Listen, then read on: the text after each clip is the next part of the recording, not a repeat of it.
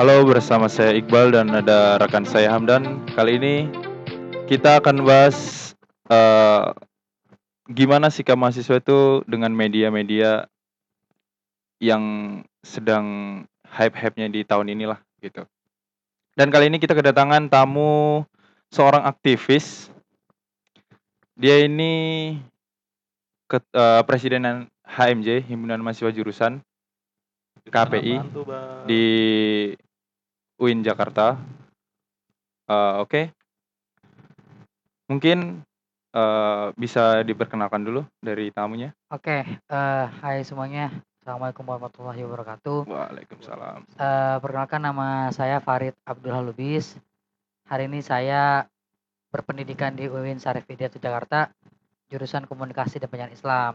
Dan tadi kalau kata uh, teman saya tadi, saya hari menjabat sebagai presiden HMJ KPI gitu. Udah dua periode juga. Ya, dua periode. Mantap tuh. Biasanya orang-orang kan maunya cuma ah satu periode aja lah. Beda kalau misalkan kastanya kayak presiden gitu kan maunya dua biar dapat ya sesuatu lah. Cuan lah. Oke, okay, uh, eh, teman-teman hari ini mungkin gue pengen nyampein kayak bagaimana sih sikap dan pandangan teman-teman mahasiswa terhadap media karena kan hari ini media sifatnya utopia gitu kira-kira. Ya, tidak tidak terarah gitu. Nah hari ini sebenarnya media itu gue juga sebenarnya bingung sih hari ini arah media itu ke sisi positif itu berapa ke sisi negatif itu semana gitu. Maksudnya kayak uh, presentasinya gimana gitu. Karena di satu sisi hari ini media adalah adalah sarana dan penyalur informasi terpenting buat kita juga kan. Hmm. entah itu handphone entah itu televisi entah itu radio ataupun hari ini konveren apa uh, konvergensi media dari konvensional ke digital. Nah, jadi gue bingung arahnya sebenarnya ke mana gitu. Nah, hari ini sebenarnya pandangan mahasiswa yang gue maksud adalah bagaimana caranya mahasiswa bisa melihat arah daripada gerak-gerik si media ini. Entah itu media cetak, media online dan sebagainya. Nah, jadi hari ini uh, kita bisa lihat lah gitu. Banyak orang-orang dan teman-teman pemuda-pemudi, pelajar, mahasiswa dan sebagainya itu mendapatkan mendapatkan informasi melalui TikTok. Mm-hmm. Ya kan? Yeah, nah, itu udah bergeser tuh peran dari media. Uh-uh. Nah, hari ini peran media itu bagaimana sih dan arah ke mana sih? Di luar itu pun dengan sisi positifnya media itu seperti memberikan informasi melalui aplikasi-aplikasi ataupun um, apa namanya platform. Tapi media juga ada buruknya juga. Ya salah satunya itu kata Pak uh, John Platt, John Plate hmm. juga bilang hmm. kalau hari ini pemerintah bilang itu hoax ya hoax gitu. Oh, oke. Okay. Nah, itu jadi kayak banyak media-media yang memberitakan hoax gitu kira-kira. Jadi kita bingung nih arah ke mana. Mungkin kalau dari ya kita nggak uh, ngomongin nggak berpihak ke sisi negatif Bener. atau positifnya. Mendingan uh, kita coba bandingkan nih negatif sama positif positifnya. Terus uh, mungkin kalau misalkan ada sisi positif apa aja yang bisa dibuat, uh, maksudnya bisa dibangun oleh mahasiswa-mahasiswa? Biasanya kan, uh, dari sosial media TikTok nih, kan kebanyakan isinya itu ada orang-orang joget-joget atau gimana gitu kan. Tapi sebenarnya kalau misalnya kita bener-bener menggunakan itu yang, uh, Cari akun yang banyak tutorial. Ya Iya, bisa bisa di uh, bisa dibuat gitu juga, cuman kalau gue ngelihatnya kan gue pernah lihat uh, mungkin nih di YouTube-nya Chandra Liao dia kan reaksi hmm. editor ah, reaksi nah editor yang... itu tuh dia tuh uh, mereaksi TikTok uh, dengan uh, dilihat dari edi, uh, editan-editan orang yang menggunakan itu jadi benar. dia bisa mema memanfaatkan dengan benar gitu hmm. TikTok itu jadi kita bisa melatih skill editing kita gitu mungkin bisa uh, kita bisa ngasih tahu ke sahabat-sahabat kita yang sebenarnya aplikasi-aplikasi itu ya, seperti TikTok itu nggak hanya digunakan untuk juga-juga tapi bisa buat kita belajar mengedit gitu. Ada juga tuh itu. yang dari dosen yang perempuan, dosen dari mana okay, itu yang yeah. sidang itu yeah. sidang skripsi itu bagaimana, itunya bagaimana caranya. Nah, itu kan juga bikin kita apa ya, berwawasan untuk menghadapi skripsi besok. Kita yeah, semester yeah. 7 nih. Ada cara baru juga ya? Iya, yeah, benar benar. Iya sih benar. apalagi hari ini banyak banget gitu kayak inovasi-inovasi baru di di bidang perkembangan teknologi entah itu teknologi komunikasi ya kan entah itu teknologi dalam media dan sebagainya itu banyak banget perkembangannya sih jadi gue saya pribadi juga kayak hari ini media media bagaimana sih bentukannya gitu di satu sisi benar gitu media hari ini berperan besar dalam dunia informasi dengan berbagai platform aplikasi dan sebagainya. Tapi satu sisi ya itu tadi kan. Iya. Tuh ya jadi sebenarnya kayak uh, mungkin tapi menurut menurut lu gimana sih bal? Kayak uh, boleh nggak sih mm, teman-teman itu mencari informasi uh, melalui media yang sudah berkembang? Contoh kayak koran. Hari ini udah banyak banget yang nggak pernah nyentuh koran mm -hmm. tapi malah nyentuh ke media online kayak iya, kumparan, yeah, yeah, benar. Tirton itu menurut tuh gimana sih bang? Kalau menurut gue sih uh, ya nggak apa-apa, nggak apa-apa sih, nggak apa nggak apa-apa. Maksudnya orang itu mencari informasi melalui, media media-media sekarang, maksudnya media digital, kan orang-orang sekarang koran tuh udah hampir nggak laku kan ya? Nggak laku. Iya, ya bisa dibilang nggak laku. Soalnya pada orang pada suka genggam HP, uh, Benar. ya. dari sesuatunya juga di HP, Lebih gampang. apa apa pun juga Iya. dari HP kan. Heeh. Kalau lihat di Instagramnya uh, akun-akunnya koran-koran kan desain grafisnya kan juga ini bagus juga. Mm-hmm. Ada Lebih menarik uh, juga. menarik Iya. dari segi berita apa pemanfaatan obat-obatan dari tanaman itu juga kan medianya juga kan ini apa ya memberi kita memberitahu informasi juga. Benar sih. Kalau gue sih uh, apa ya? Soalnya media-media yang dahulu ibaratnya kayak dari Kumparan, Detik.com dulunya kan di koran nih. Iya. Sekarang kan mereka Udah beralih. beralih ke digital kan karena uh, mungkin untuk memudahkan orang-orang tuh uh, aksesnya itu lebih mudah gitu. Maksudnya biar nggak harus beli koran, nggak harus ini, hanya butuh kuota misalnya satu giga pun udah bisa buat sebulan tuh ya dengan segala macam Iya, dengan ya. segala macam informasi pun udah bisa kita dapat kayak gitu. Jadi uh, bagus aja sih maksudnya ada media digital ini memudahkan kita juga. Terus sekarang nih pandemi kan kita jadi mengurus apa pun itu udah bisa secara online. Uh, ibaratnya misalnya nih kayak kita mau bayar pajak motor, kan kita harus uh, dulunya kan kita harus ke Samsat dulu. Bener. Nah, kalau sekarang kan udah bisa via online, via uh, aplikasi. Transfer doang Ya, gitu ya? tinggal transfer doang itu udah enak. Jadi kita tinggal duduk di rumah gitu. Terus apalagi setiap bank konvensional pun sekarang ada internet banking, banking itu kan ya. Ya, jadi kita nggak perlu ke ATM, nggak perlu ke bank ke tellernya gitu nanti ribet, ngantri lama. Jadi kita tinggal di rumah main HP, kalau mau transfer bayar tinggal udah klik itu. Di sisi Gampang. lain juga ini kan apa pemanfaatan kertas jadi berkurang. Iya, nah, mungkin penebangan. Iya. Tapi ya kita harus menggunakan media itu dengan baik, jangan dibuat yang enggak-enggak ataupun kita membuat berita yang palsu atau gimana berita gitu. Hoax ya. di grup keluarga WA. Biasanya grup keluarga tuh kan ada berita-berita ini tahu taunya hoax Kiamat. gitu. Iya. Ya, obat itu, ini bisa menyembuhkan penyakit ini. iya, kayak kemarin kasus ya influencer lah nah. yang katanya obat corona taunya taunya yang ini. ya itulah. Ya, gak usah dibahas lah. Udah, itu nggak apa-apa. Biarkan saja. Tapi kita juga harus mencari sumber itu dengan benar jadi jangan asal-asalan inilah informasi ya, ya informasi-informasi. Jadi kita harus mencarinya itu harus riset dulu lah gitu. Kayak misalnya gue nih kalau mau mencari berita-berita apa, cari yang terpercaya, yang terpercaya gitu. Misalnya kalau misalnya gue nyari berita di Instagram, misalnya kita harus uh, ke akun resminya misalnya kayak kayak berita, Tempo. misalnya uh, CNN, jadi langsung ke official akunnya aja, iya. jangan yang CNN ini, ini, ini, ini takutnya hoax gitu. Jadi mending kita langsung riset ke yang aslinya aja gitu. Kalau misalkan dari ini Hamdan gimana sih pandangan lu? Pandangan tentang apa nih? Ya media, maksudnya gua... kita udah dipermudah nih untuk mengakses atau mencari berita-berita melalui media digital, nggak perlu kita harus beli koran, nggak perlu inilah gitu.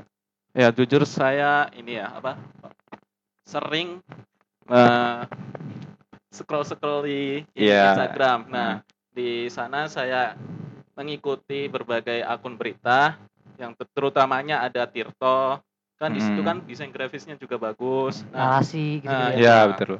Itu itu bikin menarik kita. Habis gitu kita install beritanya. Benar. Lebih jauh lagi kita baca-baca gitu kan lebih ini. Lebih menarik sama lebih gampang ini. Hmm. Dapat informasinya gitu. Iya gitu sih. Ya gua melihat persepsi dari teman-teman itu kayak ternyata hari ini kita udah sadar gitu dengan pergeseran peran media yang dulunya konvensional, iya kan media jadul, mm -hmm. TV juga hari ini juga udah semakin bergeser ke yeah. YouTube, ya kan banyak banget artis-artis TV main ke YouTube, belum lagi di YouTube itu ada podcast-podcast. Iya Hari ini kan lagi tren podcast yang kayak kita lakuin ini gitu yeah, kira-kira kan. Nah, kayak, kayak podcastnya si Om Deddy. Nah itu ada beberapa podcast yang ngebahas tentang uh, kehidupan pribadi orang, uh kita nggak usah sebutin channelnya lah gitu kan. Yeah. ada yang ngebahas tentang ilmu kayak apa namanya ngulik-ngulik isu-isu nasional. Ada podcast yang mungkin pembahasan yang kurang jelas gitu. Uh. kayak senang-senang aja intinya mah gitu yeah. kan. Jadi itu sih uh, apa perkembangan media hari ini gitu. Nggak bisa ditahan juga. Kayak pun hari ini kalau kita nolak perkembangan zaman ya kita ketinggalan zaman mm -hmm. ya kan di UIN juga, juga kayak gitu iya yeah, betul kayak uh, apa sih namanya buat eh, parkiran juga kita udah hari ini udah lebih canggih. Mm -hmm. Kalau dulu kan kita ada orang tuh yang nungguin. Iya. Kita udah pakai mesin. Iya. Gitu-gitu kan. Teknologi udah berkembang banyak sih. Apalagi ya tentang media online itu sendiri gitu. Sekarang TV-TV itu udah nggak mem mementingkan rating dan share tau. Karena udah ada media ini udah ada YouTube. Jadi orang-orang tuh kalau dulu kan TV, uh, mengutamakan rating dan share nih. Jadi sekarang tuh, ya udahlah, kan ada YouTube jadi, uh, sekarang acara mereka udah bisa di-post di YouTube Bisa gitu. Jadi bisa dilihat orang-orang walaupun apa ya, nggak nonton secara live gitu. Iya. Ya intinya memudahkan aja buat orang-orang. Terus sekarang radio, kalau radio sekarang kan udah bisa diakses di mana-mana nih. Handphone. Di handphone udah ada. Kalau dulu kan kita harus beli radio dulu, yeah. beli ini. Hmm. Sekarang bahkan ada aplikasinya sekarang. Ada aplikasinya. Uh, salah satu radio di Jakarta yang Prambon. Ya itu mereka udah ada aplikasinya sendiri. Jadi memudahkan kita kita nggak perlu pendengar-pendengarnya gitu. Ya? Iya. Uh, kalaupun di HP juga kan se sebenarnya kita harus nyalain eh, kita harus masang earphone dulu atau itu biar dapat sinyal. sinyalnya. Kalau sekarang kan udah kita pakai aplikasi, tinggal pakai kuota udah gampang. Jadi kita bisa dengerin langsung dapat gitu, gitu ya. Iya, langsung dapat. Kuotanya juga gak nguras. Iya, kura, uh, kuota juga nggak terlalu. Ya, paling dikit lah. Nah, itu tadi yang kayak gue bilang dari awal kayak hari ini pandangan teman-teman mahasiswa bagaimana sih dalam dunia komunikasi? Apalagi hari ini saya juga berfokus kuliah di bidang komunikasi kan gitu. Jadi kayak seakan-akan hari ini kita termakan jadi gini kemarin ada ada ada apa istilah namanya? Blockchain 5.0 inovasi 5.0 nah ternyata Jepang itu udah duluan untuk mendekati 5.0 udah siap Indonesia 4.4.0 aja belum siap dan belum kelar gitu apalagi mau masuk ke mas uh, ke era 5.0 Nah, maksudnya adalah hari ini banyak banget perkembangan-perkembangan yang terjadi yang pada awalnya itu semua dilakukan oleh manusia berganti dengan mesin. Tapi yang perlu kita catat dan kita garis bawahi adalah enggak semua eh apa sih? Enggak semua hal yang bisa dilakukan manusia itu bisa diganti oleh mesin. Contoh kayak melahirkan. Mm -hmm.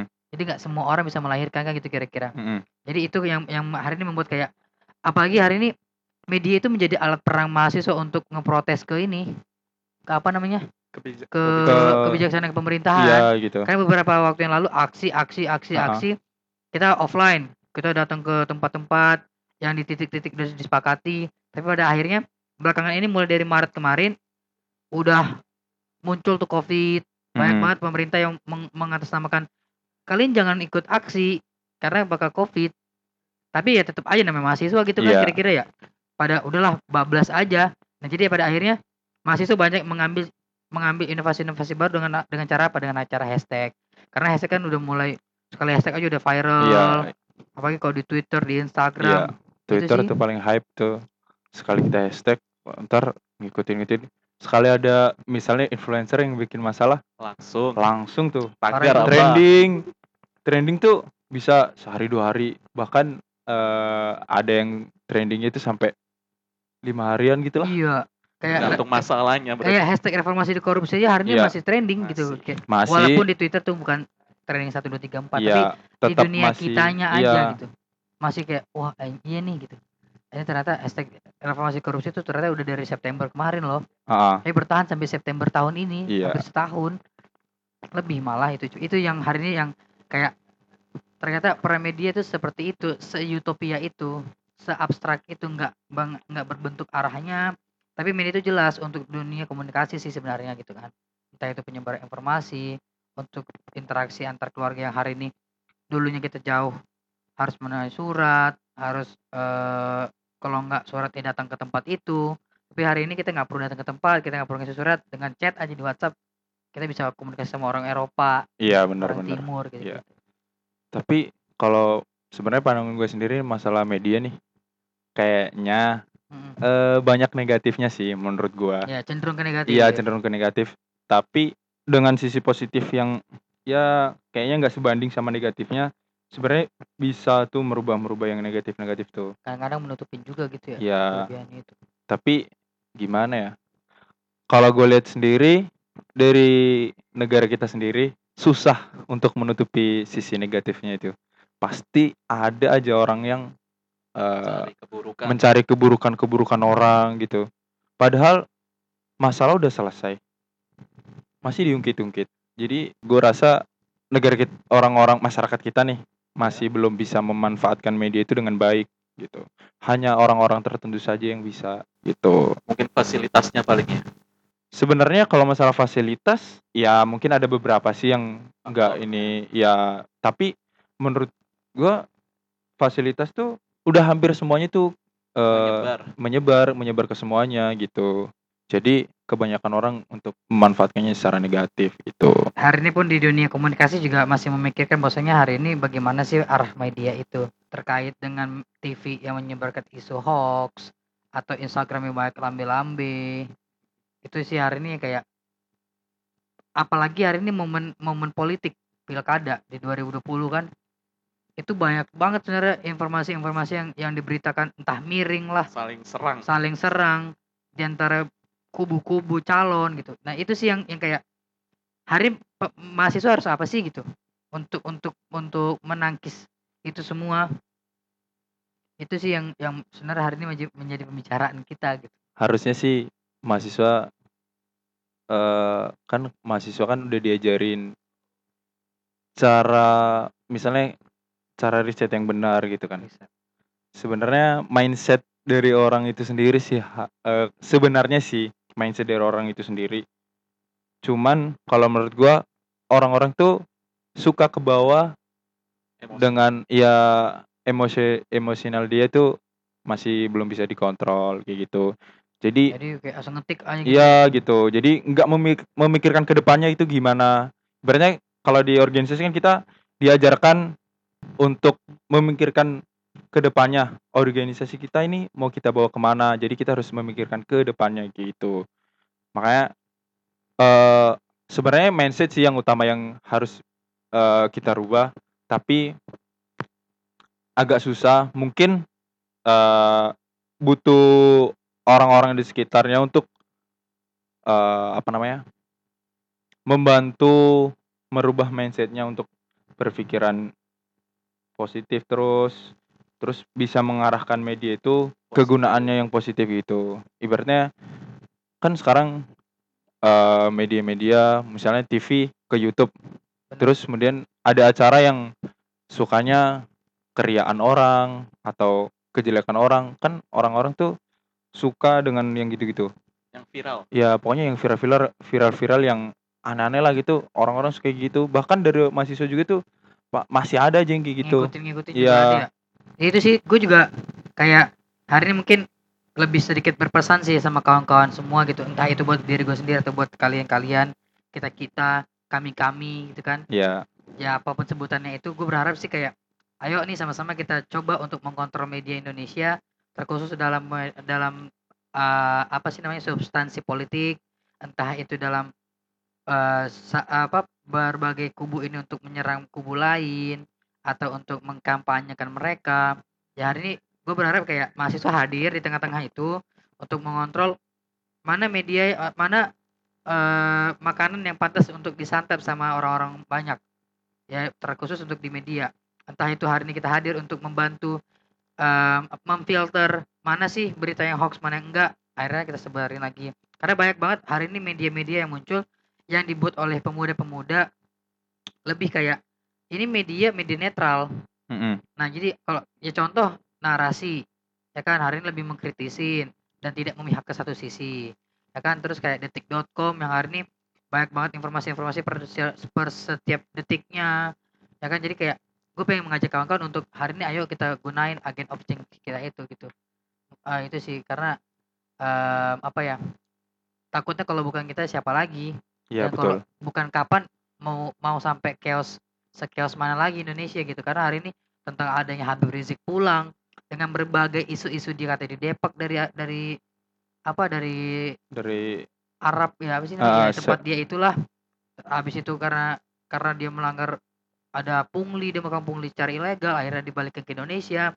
Ada yang bilang itu dipanggil sama pihak Indonesia kita nggak tahu. Nah itu gue pengennya hadirnya kita selaku pemuda-pemudi mahasiswa terkhusus ya untuk membenarkan itu meluruskan itu tapi untuk meluruskan itu kita perlu riset kan ya benar nah dalam riset itu kita pasti uh, mencari tahu sampai seluk beluknya kan pasti kalau menurut gue Pasti ada aja yang disembunyikan demi media supaya kelihatannya bagus. Kelihatannya bagus padahal isinya gitu. Ya ada yang bagus tapi jangan sampai uh, diekspos atau gimana gitu. Uh, gimana ya untuk merubahnya? Mengkonsumsi media juga harus tahu umur kita berapa dulu. Untuk yang anak-anak biasanya juga sering lihat sinetron yang belum cukup umurnya juga perlu apa ya penglihatan pengawasan orang tua untuk anak-anak kita sering kali lihat anak-anak ya tontonannya begitu sih jadi ya lebih dewasa tapi sar, salah jalur di usianya salah penerapan itu, juga ya. karena banyak hari apa anak-anak yang udah pegang handphone nonton YouTube jadi kayak anak-anak asyap ah, kayak gitu iya iya betul betul terus kadang mainin nyanyi di TikTok hmm Itu sih yang hari ini sebenarnya kayak itu peran kita buat hadir di tengah-tengah itu. Mungkin itu juga efek dari ini ya penggunaan teknologi. Iya betul. Waktu corona gini kan anak-anak kan sering juga pakai HP juga. Benar. Jadi kayak pada ini ya bingung juga mau ngapain karena pun dari generasi masih kecil aja udah kemakan itu. Uh, buat orang-orang tua sih sebenarnya kita harus menjaga pengawasan. Eh uh, ya banyak pengawasan kepada anak-anak janganlah jangan gitu. jangan di kalau saran gue jangan dipegangin handphone dulu soalnya Sampai belum saatnya cukup, gitu. ya walau kalau kalau emang kan sekarang corona pembelajaran daring harus menggunakan mungkin handphone. Uh, handphone. Harus didampingi jangan sampai seenaknya sendiri kebablas. nanti kebablas gitu kan. Kayak uh, anak-anak sekarang anak kecil kan sekarang udah mengenal game. Ya nggak masalah sebenarnya untuk main game. Tapi jangan jangan sampai ini jangan apa, sampai ini ya. Seringan. Ya sebenarnya sebenarnya gue ini ya prihatin. uh, dalam dunia pendidikan tuh uh, anak-anak kalau di bawah usia uh, berapa sih anak SMP tuh? 15 lah ya, pokoknya kalau sebenarnya anak SMP tuh jangan terlalu ini juga untuk media. Soalnya untuk membangun mindset dia biar selalu positif itu kalau misalkan kebanyakan media pasti dia akan ya berulang aneh perkataannya gitu. Kayak orang nonton YouTube gaming terus bicaranya bicaranya gitu. Harusnya itu bisa dikontrol gitu. Jadi uh, sebenarnya kan di YouTube ada YouTube Kids. Nah harusnya itu anak kecil boleh tuh uh, untuk dialurkan iya dialurkan ke sana. Mungkin buat orang tua yang uh, ya refreshing anak-anaknya lah. Nggak biar nggak jenuh untuk belajar belajar juga gitu. Harusnya juga media dibatasin tuh uh, apa namanya mungkin pengetatan kali ya. Uh, umurnya harus berapa mungkin harus ada bukti apa misalnya harus KTP biasanya mungkin KTP ya kalau kalau yang udah punya KTP harusnya boleh akses ini kalau misalkan belum berarti belum boleh belum gitu. Ibaratnya kayak kita bikin SIM kan harus umur. minimal umur harus 18 18, 18 kan. Nah kalau di bawah itu kan sebenarnya nggak boleh mengendarai motor. Nah mungkin di Indonesia boleh cuman ya mungkin buat sekitar-sekitar. Jadi sekarang gue lihat anak-anak kecil udah bisa pada naik motor. Ya mungkin buat sobat-sobat boman kita harus bisa memanfaatkan media itu dengan benar. Jangan ngasal juga. ngasal big, uh, mengakses berita. Kita harus riset sejauh mana berita itu benarnya. Dan jangan terlalu toksik lah istilahnya ya. ya. Ya mungkin itu saja. Sekian saya Iqbal dan teman saya Amdan dan tamu saya Farid. Pamit undur diri. Terima kasih